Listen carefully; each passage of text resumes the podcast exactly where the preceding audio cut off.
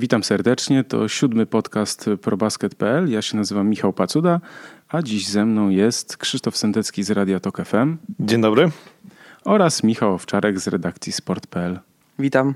Będziemy dziś rozmawiać znów o koszykówce oczywiście, no a tematami będą Cousins i Davis w Pelicans. Jedna drużyna, która stawia na grę wysokimi. To jest ciekawe w dzisiejszych czasach. Zastanowimy się też, e, dlaczego trener Doc Rivers stracił funkcję prezesa klubu i jakie to będzie miało znaczenie dla Clippers. A także zastanowimy się, kto jest lepszy, Kobe Bryant czy LeBron James. Zapraszamy. Przy okazji ostatniego meczu gwiazd DeMarcus Cousins dowiedział się, że został wytransferowany do New Orleans Pelicans. No i była to dość zaskakująca informacja. Wydawało się, że Sacramento mogą za Cousinsa e, uzyskać znacznie więcej. E, no a Pelicans też zaskoczyli faktem, że mając już Antonego Davisa, jednego z najlepszych środkowych w lidze, pozyskali drugiego środkowego. No i w czasach, kiedy jest to small ball, a więc e, nacisk na to, aby grać niższym składem, bo według wielu osób to właśnie ten nis, niski skład, y, więcej zawodników obwodowych, rzucających, czy też raczej też umiejętność e, graczy podkoszowych e, gry na obwodzie, to, to stanowi dziś o sile NBA. Natomiast no, tutaj jest takie ustawienie Cousins i Davis. Do tego jeszcze doszedł Rajan Rondo, więc już taka mieszanka wybuchowa, bo wiemy, że Cousins i Rondo to do pokornych e, nie należą. No i DeMarcus Cousins uważa, że razem z Antonem Davisem będą stanowić e, o sile, no nawet e, sile NBA, że na pewno awansują do playoffów i że ta drużyna w takim składzie na pewno odniesie sukces to dość e, ciekawe. Niektórzy mówią, że kontrowersyjne. Zresztą co innego ma mówić Cousins e, przed sezonem. Natomiast e, no, to jest ciekawe. Jak wszyscy mają zupełnie, stawiają na zupełnie inne ustawienie, no to oni wybrali grę na dwóch centrów. No właśnie, jest to o tyle ciekawe, że może to mieć gdzieś ręce i nogi, no bo jeśli spojrzymy na wszystkie mm, inne drużyny, no to każdy otacza gdzieś jakiegoś przysłowiowego środkowego trzema, czterema gośćmi, którzy e, strzelają z dystansu, a tutaj mogą gdzieś szukać e, tej swojej, swojej przewagi, zwłaszcza, że, że, że na zachodzie chyba trzeba się teraz e, chwytać, wydawałoby się dosyć szalonych pomysłów, żeby tą hegemonię Golden State Warriors spróbować w jakiś sposób przełamać. Gdzieś widać, że Warriors są słabsi pod koszem. Wiele drużyn jest w ogóle słabszych Mm, pod koszem. Tak mówisz, że, że, że, że nikt prawie nie próbuje tych, tych, tych tak zwanych dwóch wież, ale i chyba można taką, za taką drużynę uznać e, Los Angeles Clippers, gdzie też jest i DeAndre Jordan i, i Blake Griffin. Tam jest trochę ta, ta, inna konfiguracja, ale uważam, że gdzieś y, to się w, w Pelicans, jeśli chodzi o, o grę w ataku, może sprawdzić, bo i Davis i, i Cousins to jest dwóch, e, dwóch nie, z pięciu, dziesięciu najlepszych wysokich zawodników e, w NBA. Do tego każdy, każdy z nich, obaj, e, trafiają z dystansu, rzucają z dystansu, rzucają coraz lepiej. A patrząc na to, jak wygląda DeMarcus Cousins po tym NBA Africa Game, gdzie, gdzie tak naprawdę on znikł w oczach, to on może spokojnie grać jako, jako trójka. No, nie wiem, ile on teraz waży, ale na pewno waży sporo, sporo mniej i, i, i, to też gdzieś jest pewien jakiś powód taki dla niego, dla, do tego optymizmu, o którym mówi. No ale wiadomo, że w, w NBA gra się nie tylko w ataku, ale i w obronie. No i wielki, wielki znak zapytania to jest to, jak oni sobie będą właśnie radzić w defensywie, jak oni będą razem współpracować na parkiecie, właśnie żeby wybronić y, ataki rywali. To jest taki dla mnie największy y, powód do wątpliwości, czy to, co Kazins dosyć optymistycznie e, całym sobą wyraża, to, to, to czy to się w ogóle e, ziści. No Anton Davis ma za sobą znakomity sezon, 28 punktów, 12 e, zbiórek blisko i jeśli o jego możliwości i potencjał, to ja nie mam, nie mam wątpliwości co do, co do jego umiejętności i tego, że jest w stanie być liderem drużyny, która, która wygrywa, no to Cousins po tych latach spędzonych w Sacramento no, nigdy nie zagrał w playoffach przecież. No, statystyki miał oczywiście imponujące, natomiast no wiemy, że Sacramento od, od dawien dawna w dole y, tabeli i w tym y, te ostatnie 17 meczów, jakie zagrał już ostatniego sezonu w Pelicans, to jak spojrzymy w statystyki, owszem, ponad 24 punkty, 12 zbiórek, no ale ta gra, jak ja tam gdzieś obserwowałem, starałem się patrzeć na to, no to, to się nie kleiło, więc mam wątpliwości, bo jak powiedziałeś o, o Clippers, no to jednak Blake Griffin to jest typowa czwórka i, i, i on dobrze się czuje gry na, na, na pozycji numer 4. E, często też właśnie gdzieś gra z, z, daleka, znaczy z daleka od kosza, stawia zasłony, szybko ścina, e, potrafi rzucać z pół dystansu, natomiast Cousins i, i Davis, no tu potrzeba dobrej ręki trenera i dobrego rozgrywającego. Ta współpraca z Rondo to też wydaje mi się będzie ciekawa. No tak, tylko że to trochę bardziej mówimy teraz o współpracy z Rondo pod kątem tego, co się może wydarzyć w szatni, a nie na parkiecie, bo jeśli oni się będą dogadywać, jeśli Kazins będzie w dobrym humorze i Rondo również, no to to może się sprawdzić. Znaczy ja byłbym ostrożny. Dziennikarze ESPN e, prognozując następny sezon umieścili Pelicans na dziewiątym miejscu, a więc poza e, playoff. Ja nawet byłem zdziwiony, bo wydaje mi się, że na przykład Utah Jazz, których ESPN umieścili wyżej, e, moim zdaniem w tym sezonie do playoffów nie wejdą i może to Pelicans o tą ósemkę e, powalczyć. No ale tak czy inaczej, mówimy o drużynie, której gdzieś tam celem jest y, wejście do playoffów. Kazins zresztą na Twitterze odpisał, znaczy właściwie wrzucił e, tą ziewającą buźkę, prawda, że go takie rzeczy nudzą. Okej, okay, no tak jak Michał tu wcześniej mówił, co, co on ma innego powiedzieć. E, moim zdaniem to jest e, ryzykowne, ale jak ty wspominałeś o, o liczbach, Michał e, też mówił o tym, że oni rzucają za trzy punkty to jeśli już czegoś się trzymać, znaczy mając dobrego rozgrywającego, powiedzmy, że Rajon Rondo wypali w Pelicans, to y, trzeba zwrócić uwagę na to, że oni obaj za trzy punkty zaczęli rzucać w NBA e, w, no, przez dwa ostatnie sezony, tak? No to też jakby pokazuje i to też warto po prostu popatrzeć na te cyfry, jak zmienia nam się koszykówka, bo i Cousins i, e, i Davis jeszcze parę lat temu oddawali, nie wiem, kilka albo kilkanaście rzutów za trzy punkty w sezonie, a teraz oddają ich grubo ponad 100, czyli to już jest prawie dwa rzuty e, na mecz. E, no i to już jest gdzieś punkt zaczepienia do tego, jak przystosować dwóch dużych gości e, do dzisiejszej koszykówki. E, no więc to nie są tacy środkowi, jak nie wiem, Greg Monroe, czy Kanter, czy, czy ktokolwiek, nie wiem, Marcin Gortat, czy Dwight Howard, goście, którzy tylko są pod koszem, tylko oni rzeczywiście, gdzieś tam patrząc na to, jak schód DeMarcus Cousins, są w stanie wyjść, są w stanie rzucić to w ataku, także z dystansu, no ale też w obronie myślę, że im jest łatwiej wyjść spod kosza, no bo trzeba w dzisiejszych czasach przeciwko wszystkim tak naprawdę, jeśli oni mają grać, no to ci wysocy muszą wychodzić spod kosza, bo jak nie, to zaraz będą dostawać e, trójki z dystansu, więc, e, więc jeśli się to ma udać, e, no to na pewno z takimi gośćmi, którzy potrafią też rzucać z dystansu i potrafią w obronie trochę zagrać bardziej kreatywnie niż tylko trzymać się pomalowanego, no i w, gdzieś tutaj jest może szansa dla tych dwóch panów i dla Pelicans, aczkolwiek e, no, jest to ciekawe. No. 29 drużyn robi tak, że no,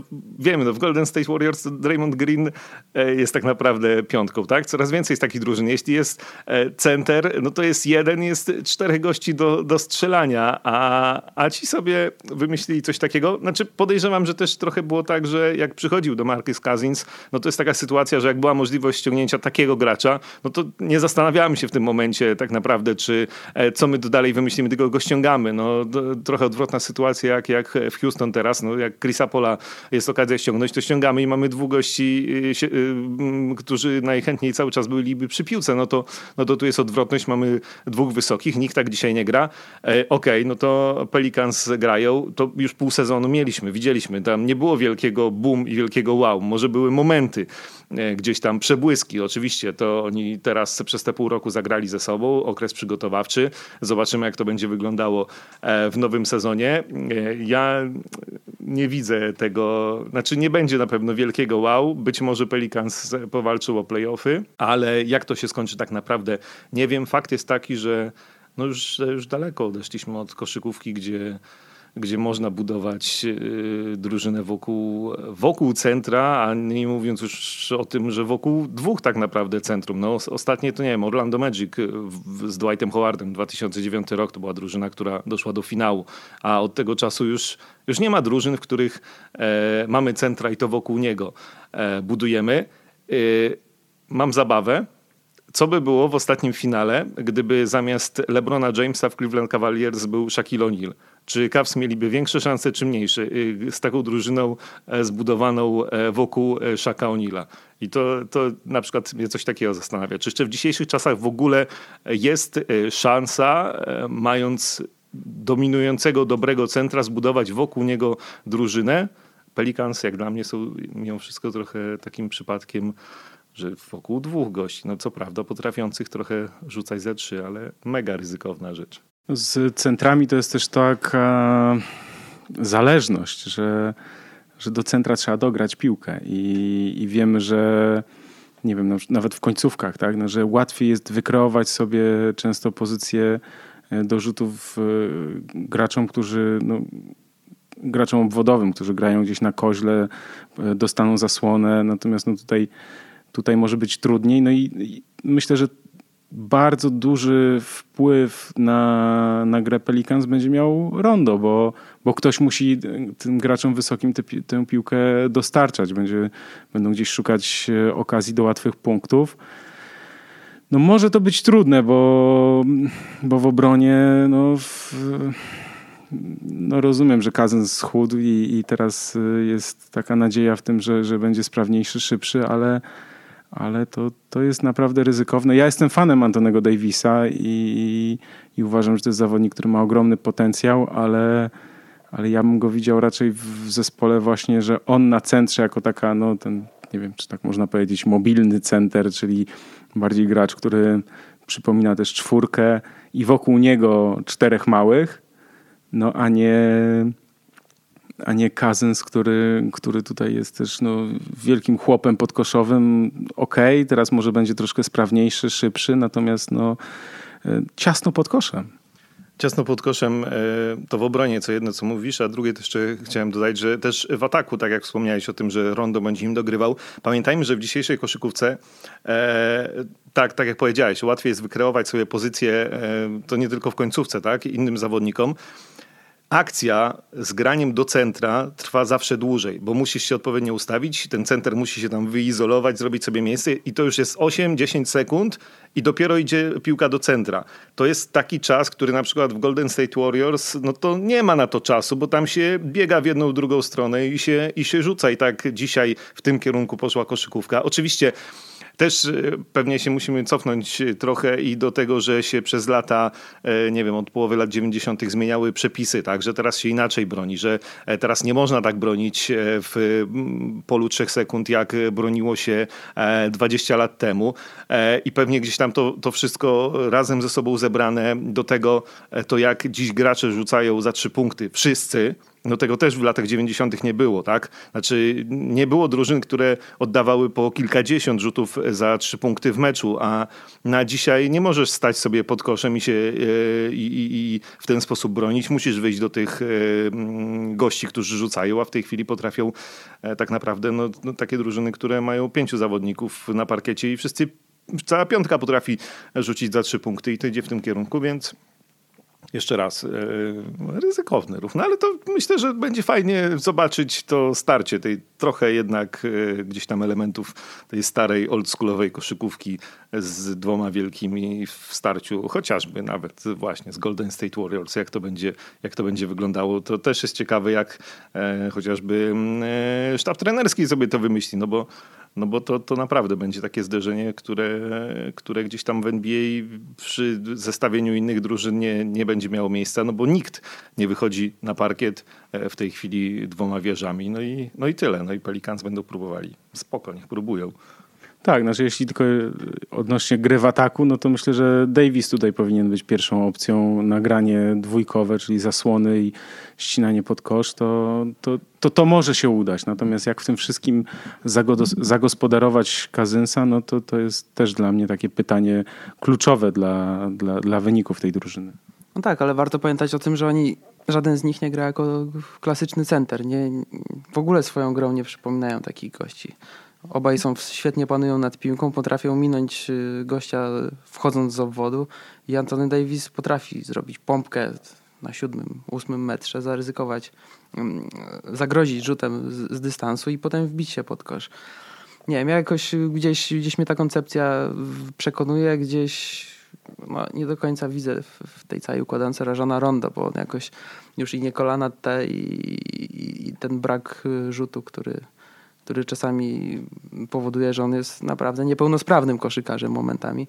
No, jest, jest, jest taką dużą wątpliwością. No, jest Drew Holiday, ale podpisał ogromny kontrakt 125 milionów za 5 lat, ale czy to jest, czy to jest zawodnik, który, który ich, tam, ich tam pociągnie, no to, to tego nie wiem gdzieś tej współpracy Davisa z, z Kazinsem bym się tak mocno nie, nie obawiał i też nie, nie sięgał pamięcią w, na, na, na końcówkę poprzedniego sezonu, bo mm, przy tak, tak dużym ruchu transferowym często jest to tak krótkim czasie wszystko bardzo dosy, y, trudno poukładać i, i, gdzieś ta, ta rola trenera też jest y, trudna. Alvin Gentry przekonuje, że on, że on będzie w stanie zrobić z tego small ball z, z gośćmi powyżej 2.10, więc zobaczymy.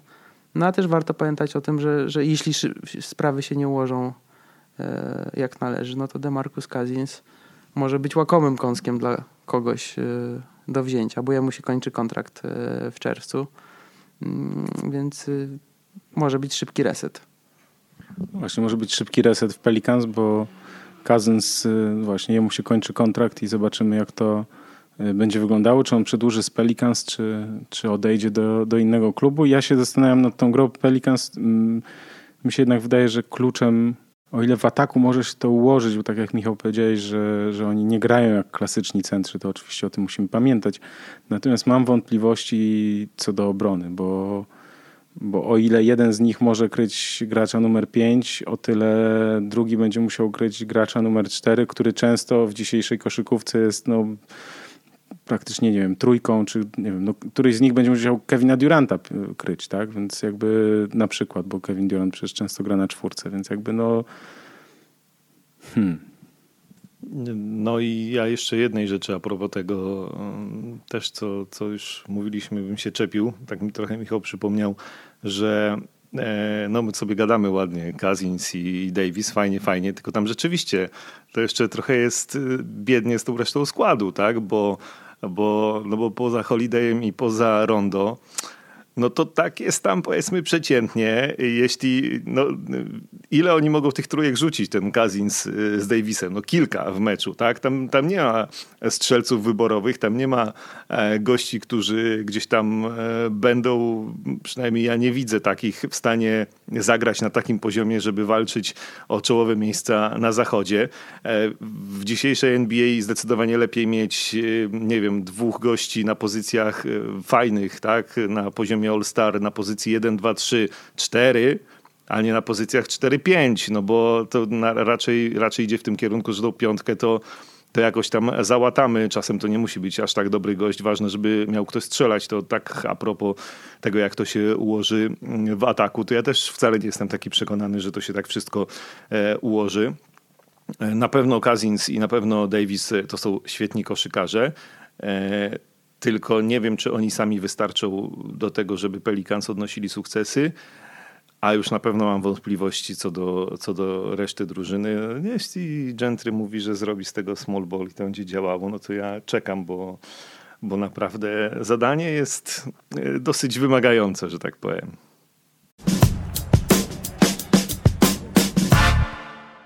Po czterech latach łączenia funkcji prezesa klubu z pierwszym szkoleniowcem, trener Doc Rivers przestał pełnić funkcję, nazwijmy to biurową, a będzie już tylko e, trenerem Clippers.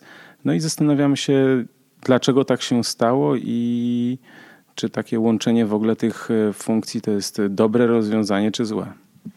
No właśnie, to decyzja jest e, dosyć, wydawałoby się, zaskakująca Steve'a Bolmera, bo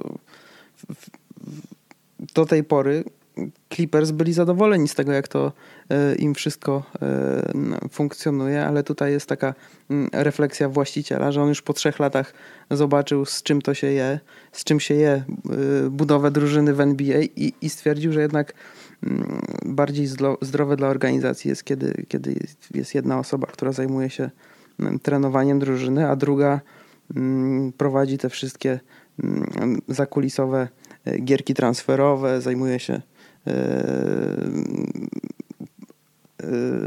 kontrolą, czy też e, monitoringiem pracy scoutów i, i, i całymi tymi innymi rolami. Ale czy to nie jest tak, że Steve Ballmer no, troszkę się przygotowuje do tego ewentualnego pożegnania z Dokiem Riversem, no bo spójrzmy na to w ten sposób, tak? Gdyby go zwolnił, no to nagle traci i, i prezesa klubu, bardzo ważną funkcję taką operacyjną, a także trenera. No i czy to nie jest też takie przygotowywanie się do tego, żeby ewentualnie, e, no bo Doc Rivers ma tam ogromną władzę, prawda? Można powiedzieć, że decydował o wszystkim. No te, te porażki w, w drugich rundach, a potem dwa ostatnie lata w pierwszej rundzie e, playoffs, y, no to też może być taki znak, że, że zobaczmy jeszcze, co wyjdzie w tym roku na przykład i, i potem się żegnamy? No, tego, tego to jest bardzo trudno y, przewidzieć, ale warto pamiętać o tym, że Doc Rivers y, zdobył mistrzostwo NBA, kiedy był tylko trenerem, a, a nie pełnił, pełnił żadnej funkcji menedżerskiej. Tutaj musiał łączyć obie role i gdzieś ta funkcja menedżera mm, chyba nie wyszła mu najlepiej, bo, bo de facto yy, przyszedł y, niejako na gotowe, bo i DeAndre Jordan, i Blake Griffin, i Chris Paul gdzieś już y, w tej drużynie byli i tak naprawdę musiał ich właściwie obudować, a nie jest to, to wcale taka mm, łatwa sprawa, te wszystkie transferowe układanki, podpisywanie kontraktów z zawodnikami, czy, czy, czy czy współpraca ze scoutami i analitykami nad tym, żeby tą drużynę od tej strony organizacyjnej poukładać. I być może, może Bolmer doszedł do takiego mm, wniosku, że właśnie potrzeba jest jasnego rozgraniczenia tych funkcji, żeby mm, ta drużyna mogła się, się rozwinąć. Dziś to jest takie docenienie być może pracy do Riversa jako, jako trenera, a z drugiej strony Y, pokazanie mu y, żółtej kartki, że jednak nie, jako menadżer się nie, nie do końca nadaje, bo możesz być świetnym, świetnym trenerem, a jednak jako menadżer się tutaj, y, tutaj nie sprawić. No, widać, że w NBA ten trend jest raczej w tym kierunku, żeby, żeby jednak rozdzielać te funkcje. Jest, jest tylko, tylko trzech już w zasadzie mm, trenerów i, i pracowników biura, bo Mike Butenholzer, który pełnił tę funkcję w Atlanta Hawks na wiosnę został, został też zwolniony niejako z, z roli mm, prezesa. Tom Thibodeau, Greg Popowicz i, i Stan Van Gundy to została taka trójka mocna, ale tak naprawdę tylko Greg Popowicz odnosi sukcesy. No gdzieś, gdzieś to łączenie mm, nie pomaga. Są przykłady z NFL, ale NFL funkcjonuje w zupełnie innym y, trybie. Tam jest y, poniekąd dosyć, dosyć łatwo łączyć te funkcje. A, NBA, która gra 82 mecze, gdzie jest dużo podróży, y, latania po połowie albo i nawet więcej Stanów Zjednoczonych y, y, kilka razy y, w miesiącu, no gdzieś nie sprzyja to tej pracy operacyjnej, biurowej. Trzeba jasno powiedzieć, jakie sukcesy miał Doc Rivers jako menedżer. No, ściągnięcie J.J. Redicka, ok. E, I co? I danie wielkiego kontraktu swojemu synowi, bo, no bo poza tym e, to sprowadzał koszykarzy, którzy nie sprawdzali się tam w ogóle albo żegnali się szybko, bo pamiętamy, że był i Nate Robinson, i Hido Turkoglu, i Paul Pierce, e, Stephen Jackson. Jakby mieszanka była spora przez, przez te lata. Żaden z tych zawodników tak naprawdę poza właśnie J.J. Redickiem nie stał się... I jeszcze DeAndre Jordan, który już był jedną nogą w Dallas. No to go zatrzymał, okej. Okay. To e, akurat um, na plus, e, to tak, ale, ale poza tym to rzeczywiście ta lista transferów, które nie wypaliły albo umówmy się, nie do końca wypaliły, jest e, długa i może rzeczywiście to jest e, dobry pomysł na to, jak coś zmienić. No, można było do Cariversa zwolnić całkowicie i nie wiem, szukać jednej następnej osoby albo dwóch osób na tę funkcję. Myślę, że tutaj Steve, Steve Ballmer zrobił bardzo bardzo, że tak powiem, przemyślana była to decyzja.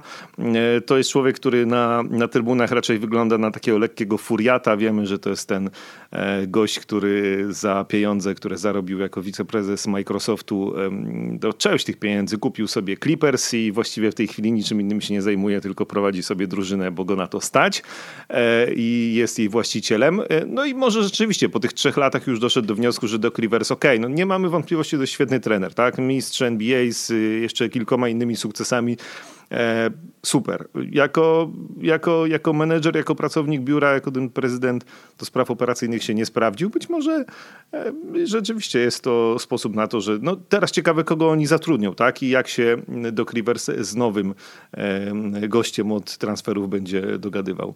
No jest Lorenz Frank już jest ogłoszony jako jego, jego zastępca, następca, który już w poprzednim sezonie troszeczkę tych obowiązków miał jako Mm, jako osoba, y, nazwijmy to tej pracy biurowej. No, nie, ma do, chyba dobrego określenia, czym jest tam tak naprawdę. Operacyjna. Operacyjna, tak, no, wojskowo.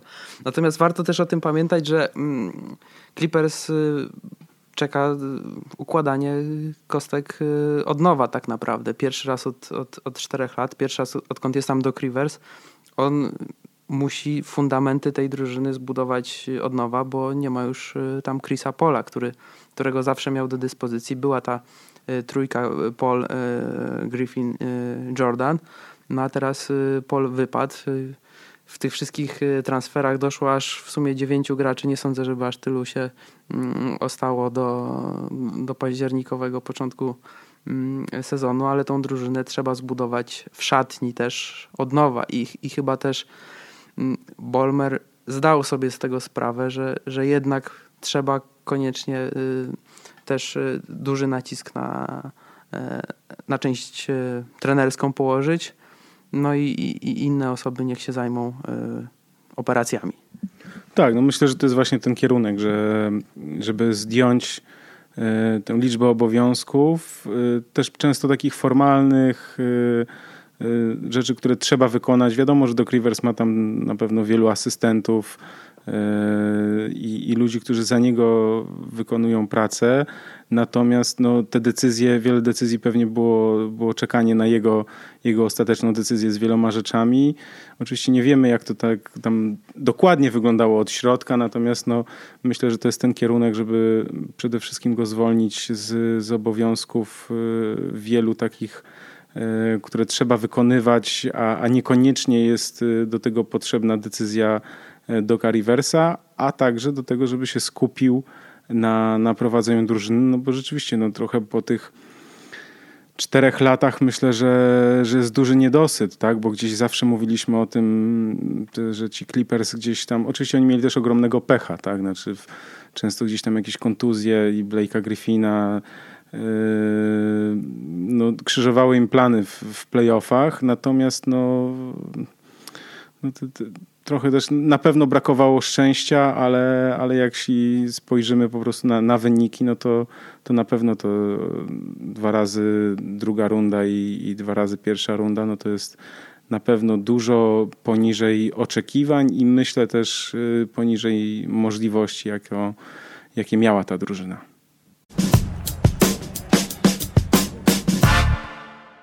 Michael Jordan znany jest z tego, że milczy przeważnie, a jak już się odzywa, no to potem jego wypowiedzi analizowane są na tysiąc sposobów i powielane w mediach i e, też kibice się na ten temat wypowiadają. Ostatnio Jordan stwierdził, że na liście wszechczasów postawiłby Kobiego Bryanta ponad LeBronem Jamesem, no bo piątka bije trójkę, a to oczywiście chodziło o liczbę mistrzowskich pierścieni. Na probasket.pl jest e, sonda, w której już ponad 1600 osób e, wzięło udział. No i 56% e, mówi, że Kobe Bryant jest lepszy.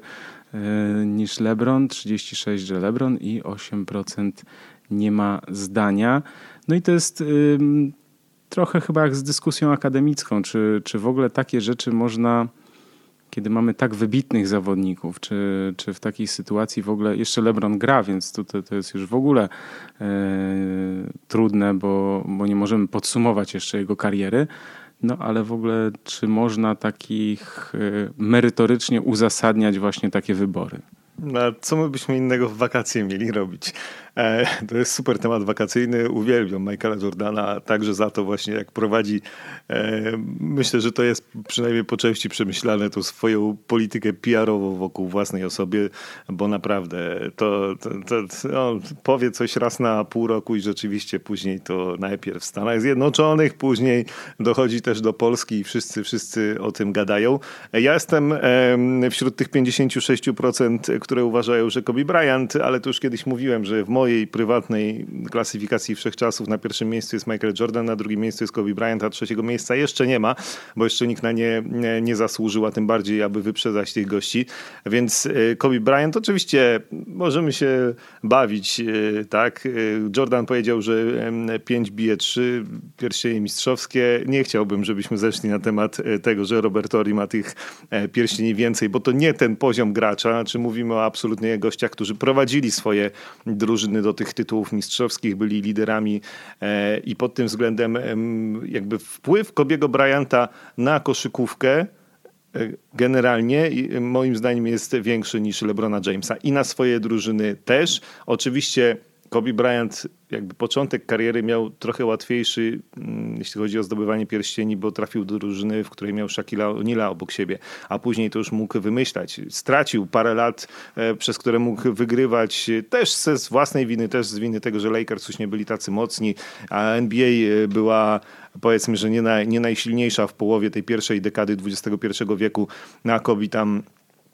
trochę innymi rzeczami się zajmował. Najpierw kłóceniem z Szakiem, później sprawa e, o gwałt e, i tak dalej. Później ci Lakers nie byli tacy mocni i trochę parę lat stracił, ale to jak wrócił w latach 2009-2010, to już było mega wielkie. LeBron James kolekcjonuje finały mistrzowskie. Musiał, żeby zdobyć swój pierwszy pierścień, wybrać się do Miami i tam zdobywać pierścienie. Wrócił do Cleveland i to oczywiście był wielki też powrót, ale jedno mistrzostwo na razie z Cleveland Cavaliers. E, nie wiem, co LeBron zrobi do końca kariery, ale tak mam wrażenie, że jest to bardzo subiektywna opinia.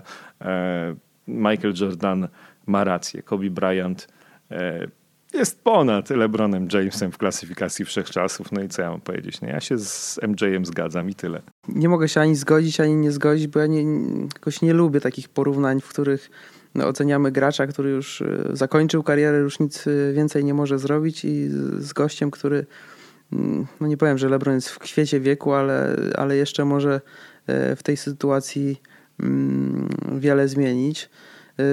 Pięć tytułów Kobiego rzeczywiście jest, jest imponujące, ale ile by tytułów zdobył, jeśli nie grałby z, z Szakiem, czy nie miał Phila Jacksona u siebie, no można się nad tym tylko zastanawiać. Tak samo nad tym, czy, czy to, że LeBron już od, jeśli dobrze liczę, od siedmiu lat gra cały czas w finałach NBA, czy to nie jest jednak coś na tyle spektakularnego i, i, i wyjątkowego, że, że jednak e, warto się zastanowić, czy, czy, czy nie zawsze warto mm, definiować karierę poprzez mistrzowskie pierścienie. Kobe Bryant przyszedł do NBA jako przyszły następca Michaela Jordana, gdzieś się starał z tej, mm, z tej roli wywiązywać, a LeBron James po prostu tu przyszedł jak król i się jak król od samego początku mm, zachowuje. Trochę bym poczekał z, z, ze stwierdzeniem, który z nich mm, jest wyżej w, w klasyfikacji wszechczasów. To przerzucanie się numerkami no jest takie dosyć Mm, nie wiem, słabe moim zdaniem. No zaraz możemy powiedzieć, że Kobe Bryant rzucił więcej punktów w NBA od Michaela Jordana i, y, i też jest, powinien być wyżej na tej y, liście wszechczasów. No, nie wiem, jakoś nie, nie, nie lubię tej dyskusji. No. Kiedy sprowadzamy ją do mistrzostw, to do, do mistrzowskich pierścieni, to dla mnie też jest zawsze taka trudna, ponieważ zawsze trzeba brać y, pod uwagę czynniki, nazwijmy to zewnętrzne, tak? Czyli na przykład, nie wiem, y, w latach 90., kiedy Jordan zdobywał, no to gdyby Michaela Jordana nie było, no to kto wie, ile mistrzostw mieliby nie wiem, Clyde Drexler, Charles Barkley czy, czy Patrick Ewing. To jest takie zawsze dla mnie trudne i na to i na tym bym się nie skupiał. Zresztą ostatnio Tracy McGrady powiedział, że dużo łatwiej jest y, wygrać mistrzostwo NBA niż y, być w tej galerii sław, no bo bo mistrzostwo NBA można wygrać przypadkiem, będąc po prostu w jakiejś drużynie rezerwowym, a żeby być w, w Hall of Fame, no to, to jednak trzeba być wybitnym, wybitnym zawodnikiem. I, I tutaj to stawianie z tymi mistrzowskimi pierścieniami to też to też nie lubię, jak e, właśnie zawodnicy gdzieś tam wypominają sobie. To ja rozumiem, że to w żartach, to okej, okay, to, to, jest taka, to jest taka forma złośliwości, e, tak zwanej szyderki, która jest zawsze obecna w szatni. Wiadomo, że, że, że to, to jest obecne w sporcie i to jest pozytywne, bo często jest zabawne. Natomiast gdzieś tam na, na to takie światło dzienne do, do mediów no to to jest y, moim zdaniem no, nie na miejscu, bo, mm, bo wiele wielkich karier y, zakończyło się brakiem mistrzowskich pierścieni u zawodników, ale to nie znaczy, że te kariery nie były wielkie, że oni nie byli wybitnymi zawodnikami, bo, no bo tylko jedna drużyna w roku zdobywa mistrzostwo a, a jednak e, tych koszykarzy, którzy osiągają e, naprawdę no, niesamowite kariery mają za sobą, jest e, przecież bardzo wielu. Ja też się w ogóle zacząłem zastanawiać, czy, czy sam LeBron James nie jest większym koszykarzem od, od Kobiego Bryanta. Tak teraz mi to przyszło na myśl, no bo ile drużyn musiało się dostosować do tego, jak, jak gra Kobi, jak całą filozofię budowania swojego składu opierać na tym, żeby jego pokonać. Czy, czy w ogóle tak było, że oni chcieli jego pokonać, czy drużynę, w której on był. I był i Szak, i, potem spał Gasol. A teraz chyba jednak było przez ostatnie lata tak, że wszyscy polowali na to, jak ustrzelić tego LeBrona Jamesa, co zrobić, żeby to jego pokonać, że on jest jednak taką bardziej e, postacią dominującą, w której by on drużynie nie był, to, to jednak jego wpływ na grę, na funkcjonowanie w ogóle drużyny moim zdaniem był dużo, dużo, dużo większy, więc od Kobiego Bryanta. To nie znaczy, że Kobe Bryant był od razu jakimś e, słabiakiem i, i do niczego się nie nadawał. Nie, no, nie popadajmy też e, w takie, w takie skrajności. Gdzieś szeregowanie tych, tych koszykarzy na szczycie to jest bardzo, bardzo trudna, trudna sprawa. Była lista 50 największych koszykarzy w historii. No, myślę, że ona powinna zostać w najbliższym czasie zrewidowana, tylko w jaki sposób? Czy, czy do tej listy dopisać graczy, czy może kogoś pozbawić miejsca, no bo już może nie zasługuje, żeby być w 50. Jakich tam ustawić? No to są takie mm, dyskusje e, akademickie. My lubimy się spierać, bo każdy ma tam swoje, mm, swoje, e, swoich faworytów. Ktoś się urodził w, w latach 80., e, za swoje dzieciństwo miał Michaela Jordana i to będzie dla niego zawsze Bóg koszykówki, a ktoś, kto się urodził w 92 roku i nie zna koszykówki, koszykówki Michaela Jordana, ale zna tylko LeBrona Jamesa, no to dla niego wybór będzie, będzie inny. To jest oczywiście ten tak, mówimy poważne rzeczy, ale to, to, jest taka wakacyjna dyskusja e, trochę i to też nie ma sensu się tak naprawdę tak do końca na serio to spierać. To oczywiście fakt. Mm, e, ja żałuję, że mm, e, Kobe Bryant z LeBronem Jamesem nie spotkali się nigdy w finale NBA, bo w przeciwieństwie do Jordana i Kobiego to było realne, bo, bo jednak jak Jordan odchodził, Kobe był gówniarzem, który zaczynał e, i gdzieś tam ta różnica e, w ich e, erach panowania była zbyt duża. Znaczy to już nie był ten, to był starzejący się Jordan i młodziak Kobe, a tutaj Kobe z LeBronem no, za, zaczepili się tymi swoimi karierami. Oni grali przeciwko sobie. Pewnie najbliżej było w 2009, może w 2010 roku. No, wtedy Kobe wygrywał, a Cleveland, y, które miało grać w finale, gdzieś tam przegrywało po drodze to z Orlando, to z Bostonem e, i, i, i, w finale NBA nie grało, więc e, trochę szkoda i wtedy pewnie mielibyśmy jakiś kolejny argument do tej dyskusji, że oni stanęli naprzeciw siebie w walce o konkretny pierścień. No a tak się e, nie stało, więc to, to trochę szkoda. Oczywiście te, no, to jest taka dyskusja, z której na razie rzeczywiście to może się okazać, że LeBron jeszcze parę pierścieni zdobędzie i nawet Michael Jordan nie będzie miał w tej dyskusji argumentów. Pierścienie są ważne bardzo.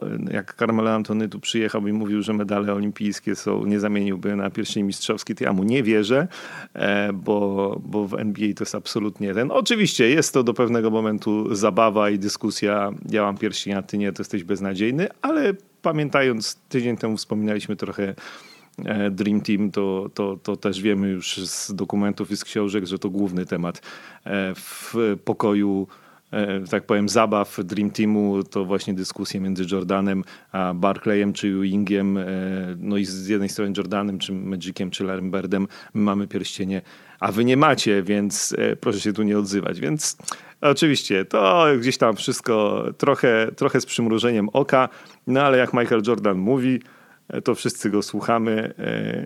I tak to, tak to chyba zostawimy. Nie, Michał jeszcze coś powie. Nie, ja też jeszcze coś powiem, bo ja tak się zacząłem zastanawiać, mm, bo rzeczywiście macie rację, w sensie Krzysiek masz rację, to jest absolutnie subiektywna ocena w momencie, kiedy mamy y, do czynienia z tak wybitnymi za, zawodnikami. Y, ja tak się zacząłem zastanawiać. Kobe Bryant jest kontynuatorem, naśladowcą, nie wiem, czy to jest niewłaściwe słowo, ale jest taką, takim zawodnikiem, który nam bardzo przypominał grę Michaela Jordana. Yy, to jest ten zawodnik, który bardzo często wygrywał mecze i, i w tych najważniejszych momentach grał, grał znakomicie. Natomiast yy, jeśli spojrzymy na LeBrona Jamesa, no to to jest człowiek ze stali, który mm, trochę jak Michael Jordan odmienił moim zdaniem koszykówkę, to znaczy odmienił takie spojrzenie na nią.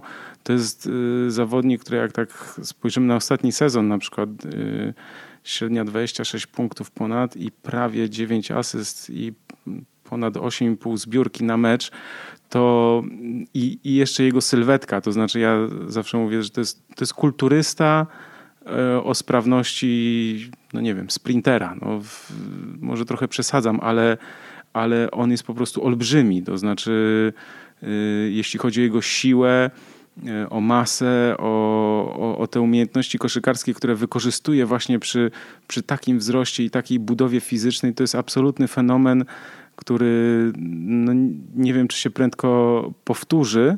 I, i jeśli spojrzymy na, na statystyki, czy na, na wpływ na, na drużynę, no to jest, no to jest ciekawa dyskusja, no myślę, że pod, pod jakim elementem, natomiast rzeczywiście LeBron James, y, ten all-around player, który po prostu naprawdę w każdej, w każdej statystyce y, dominuje. Mm, no i jeszcze taka rzecz, jeśli ktoś ma wątpliwości, to LeBron James jest naprawdę bardzo dobrym defensorem y, i, i to też jeszcze jest jakby jego dopełnienie dopełnienie jego wartości, więc no myślę, że na taki ostateczny jakiś ranking to, to może przyjść czas dopiero po zakończeniu przez niego kariery, ale to i tak nadal moim zdaniem będzie, będzie subiektywne przy, przy tak wybitnych graczach. No, ja się też się obawiam, że, że te słowa Michaela Jordana zaraz y, obrócą się poniekąd y, przeciwko niemu i zacznie się dyskusja, czy kto był większym koszykarzem, LeBron James y,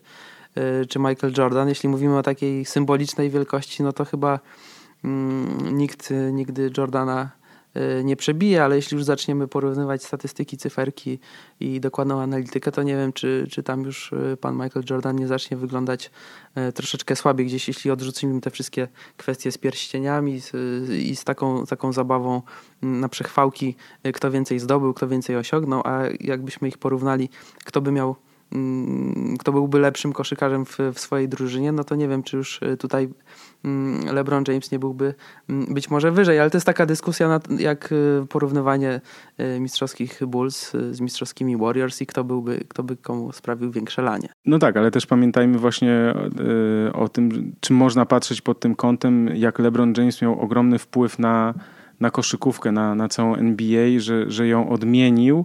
Na pewno Michael Jordan był, zawsze będzie tą, tym zawodnikiem, który e, był gwiazdą w tym czasie, kiedy NBA wchodziła na ten ogromny poziom e, medialności, kiedy to się no, rozlało po całym świecie, tak? I te, i te astronomiczne kwoty wtedy astronomiczne, bo dziś to już nie są astronomiczne, ale, ale wtedy był ten skok ogromny, ten skok medialny był niesamowity właśnie w latach 90. i na pewno Michael Jordan będzie jego symbolem. I teraz zastanawiam się, czy LeBron James może być symbolem no, tego XXI wieku. No, to jest zawsze rzecz warta zastanowienia, tylko ja się zawsze mm, przy takiej historii, że Michael Jordan był mm, bardzo ważny dla tych lat 90., to zawsze się wtedy mi y, gdzieś z tyłu głowy odzywają Larry Bird i Magic Johnson, którzy mówią, że to my żeśmy te fundamenty pod tego Jordana y, położyli, że tak naprawdę on wykorzystał to, co oni dla niego y, zbudowali. No więc to też warto zawsze pamiętać. Nie, no bo zaraz dojdziemy do jakichś tych dziwnych wniosków. Czekajcie, po, po kolei. Po pierwsze, Magic Johnson Przyszedł już jako gwiazda e, do NBA z pięknym uśmiechem, grał w centrum świata, czyli w Hollywood e, i podpisywał kontrakty z konwersem na 100 tysięcy dolarów. Ej, Michael Jordan to jest gość, który o, o, mamy mówić o tym, co poza koszykówką, jaki miał wpływ, to jest gość, który y, zmienił, okej, okay, miał wokół siebie ludzi, miał Nike, miał e, e, tego menedżera swojego, który okazał się gościem, który wymyślił nie wiadomo co, no, w znaczeniu on stał się gwiazdą nie koszykówki, tylko gwiazdą ikoną pop. Celebry, celebrytą takim. Tak, i potrafili to ludzie wokół niego, oczywiście on się na to zgodził, e, sprzedać. Fantastycznie. I to, że tam Magic i Larry, Larry mu wcześniej przygotowali, fajnie, fajnie, ale jakby cały marketing sportowy nowoczesny, oczywiście łączyło się to z tym, że właśnie ESPN się otwierało w połowie lat 80. i tak dalej. To jest Michael Jordan. Znaczy to jest gość, który zmienił e, marketing polityczny albo ludzie którzy potrafili to zrobić, wykorzystali go do tego, tak, żeby, żeby cały marketing sportowy zmienić e, i e, jakby PR, reklama, pieniądze to jest to, co Michael Jordan. Ale, czy, ale trochę odeszliśmy od tematu, bo zaczynamy dyskutować, czy Michael Jordan. Nie no, umówmy się. Michael Jordan był absolutnie najlepszym koszykarzem na świecie. To nie ma dyskusji. Ale E, czekajcie, jeszcze wracając do Lebrona i Kobiego i gdzieś tam wychodząc poza parkiet i poza cyfry.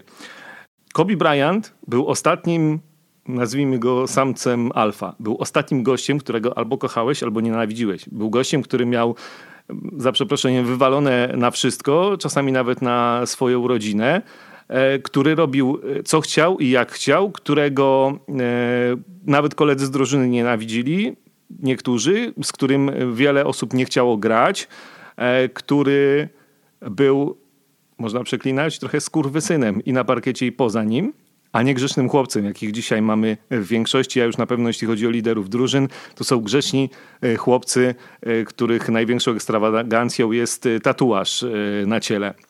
Więc pod tym względem jeszcze Kobe Bryant e, był dla mnie fajny. Pewnie dlatego też, że trochę też przypominał e, Michaela Jordana, który, który gdzieś tam był trochę e, też mistrzem trasztoku chociażby i też takim perfekcjonistą. I, I nie, no wiecie, w takich historiach tam jak Kobi umawiał się z trenerem na siłownię na piątą godzinę i zapukał za 15 piąta rano do niego do domu, no to, to są historie gdzieś tam pokazujące, że E, absolutnie Kobe Bryant to jest gość, który, którego wielkość wykraczała du, dużo dalej poza koszykarski parkiet i nie wiem, czy LeBron James będzie taką ikoną. E, I to oczywiście zależy też trochę od tego, jak kieruje się e, jego karierą, jak kierują jego ludzie od marketingu, od PR-u, od wszystkiego. No ale dziś Nike ma iluś tam tych butów, tak? a Michael Jordan ma swoją markę wykreowaną z Nike. A Kobe Bryant myślę, że chce iść w ślady Michaela Jordana i zobaczymy, e, co z tego wyjdzie. Nie, na razie jest tak. Michael Jordan, absolutnie miejsce pierwsze. To w ogóle nie mamy o czym dyskutować pod każdym względem, bo, bo nie, nie wchodźmy w cyfry. No, to jest gość, który, który zmienił wszystko.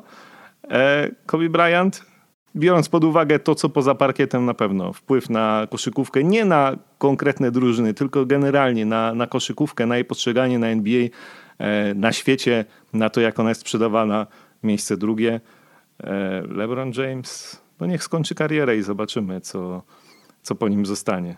No ja nie, wiem, czy bym tak, y, czy bym się z tobą zgodził w ogóle o, o wpływie Kobiego Bryanta, że, że jest większy niż, niż LeBrona Jamesa. Wydaje mi się, że jednak LeBron James jest o wiele większą postacią popkultury. To o nim się mówi, że ma być w kosmicznym meczu 2. To on mm, ma te wszystkie aspekty marketingowe zgrane perfekcyjnie, to on dostał dożywotni niemal kontrakt y, od Nike. To on jest największą gwiazdą. To on pierwszy miał linię swoją produktową w Nike. Kobi przyszedł tam y, troszeczkę później i, i gdzieś już na tą swoją linię mm, odzieżową, obuwniczą chyba już takich szans ani zakusów nie ma, ale LeBron James ma szansę stać się właśnie pod tym względem kolejnym Michaelem Jordanem. Rzeczywiście Jordan wykreował cały ten świat E, marketingowy, to z jego dorobku korzystają też inni wielcy sportowcy jak Tiger Woods, Roger Federer, Serena Williams i, i możemy ich, e, ich e, wymieniać bez liku teraz. No, to wszystko zaczęło się rzeczywiście od, od Jordana, ale już jeśli właśnie chcielibyśmy porównywać i szeregować tych gości, no to tak jak wspomniałeś, trzeba poczekać trochę na, na koniec kariery LeBrona Jamesa.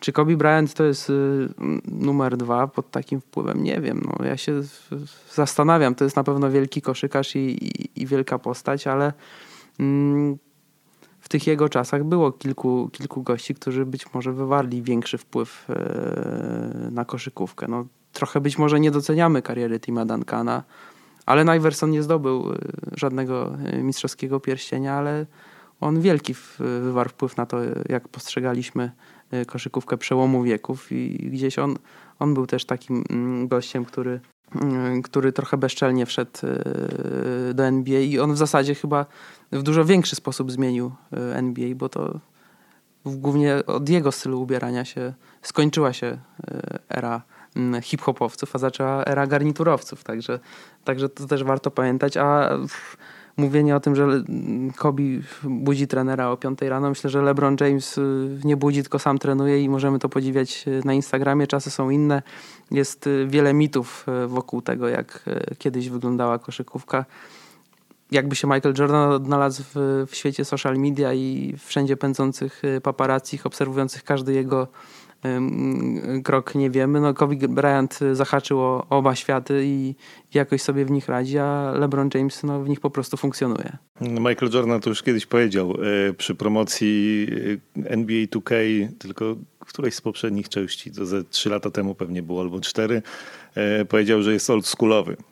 No Twitter, no Facebook, no wszystko, więc jego generalnie nie ma w mediach społecznościowych. Mm, z mediami na pewno miałby, miałby trudniej, no ale to rzeczywiście tutaj już wchodzimy w to, kto w jakich czasach mm, grał i jaki wtedy był świat, a świat był inny. E, no, to na koniec wnioski. Michael Jordan, Kobe Bryant, e, gdzieś tam dalej LeBron James, tak? To jest taka narracja Krzyśka, którą chciałby nam narzucić, ale my, ponieważ jesteśmy twardzi, nie damy sobie e, się tutaj zahukać i będziemy mieli odwagę wypowiedzieć swoje zdanie. Ja jestem wielkim fanem e, Kobiego Bryanta i to nigdy tego nie ukrywałem. Z racji właśnie, tak jak Krzysiek mówi, tej, tego bycia następcą e, Michaela Jordana. Natomiast no, mam jednak wrażenie i takie poczucie, że, że, że, że, LeBron James może być za, za te 3, 4, 5 lat y, oceniany jako, jako właśnie zawodnik, który no, odmienił też NBA i, i wywarł na nią ogromny wpływ i, i ten też styl grania, ta jego dominacja w każdym elemencie gry jest dla mnie y, no, imponująca, czasem wręcz przerażająca, bo, bo, bo człowiek się zastanawia, jak w ogóle jak w ogóle ktoś taki może funkcjonować, y, jak może tak grać. Y, ja miałem okazję stać obok niego kilka razy i, i naprawdę to jest, jak się na niego spojrzy, na jego sylwetkę, y, na budowę, to, to to jest niesamowite, że przy, takim, przy takiej masie ten, ten człowiek jest tak sprawny i, i umie to wszystko, co, co powinni umieć e, raczej niżsi zawodnicy i, szczuplejsi. Więc e, no tutaj Myślę, że jeśli chodzi o sondę na probaskecie, to znaczna większość osób właśnie tak jak Krzysiek tutaj patrzy na swoje, swoje własne odczucia, na swoje emocje, a na podsumowanie tego i takiego spojrzenia obiektywnego jeszcze przyjdzie czas, kiedy LeBron James zakończy karierę, no i też za kilka lat, kiedy dowiemy się, jak e, będzie można podsumować karierę kilku innych zawodników.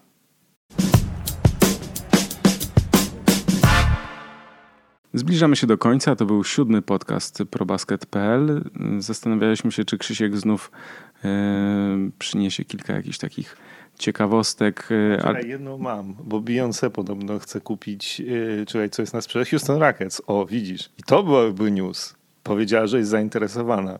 Ja również jestem zainteresowany. Ale w przeciwieństwie do ciebie ona ma pieniądze. Ja mogę mieć w każdej chwili. Na pewno. Ja bym wolał Beyoncé jako właścicielkę Houston Rockets niż ciebie. No wiesz. Coś jeszcze Michał chyba chciał dodać. Nie no, warto przypomnieć przy okazji Beyoncé, że jej y, partner, y, mąż, nie wiem jaka tam jest y, relacja między nimi. Konkubent. Jay-Z był już właścicielem mniejszościowym jednego z klubów NBA, czyli New Jersey, a potem Brooklyn Nets. Szybko się z, z tego wycofał, ale nie dlatego, że mu się to nie podobało, tylko dlatego, że wszedł na rynek agentów sportowych. Objął między innymi Kevina Duranta i, i musiał się wyzbyć udziałów, więc może to jest tak, żeby, żeby że jednak to Jay-Z jednak chce mieć e, wpływ na, mm, na drużynę Houston Rockets, e, ale nie może tego zrobić, więc tutaj spróbował w tak po więzach poniekąd rodzinnych sprawę załatwić. Może to jest gdzieś jakaś taka tutaj sytuacja ciekawa. No tak. Mieliśmy też e, z takich ostatnich wydarzeń, ja nie wiem czy to było w tym tygodniu, czy w poprzednim, ale e, warto zwrócić uwagę, jak Steph Curry naśmiewał się z LeBrona Jamesa i kto stał obok z szerokim e, uśmiechem.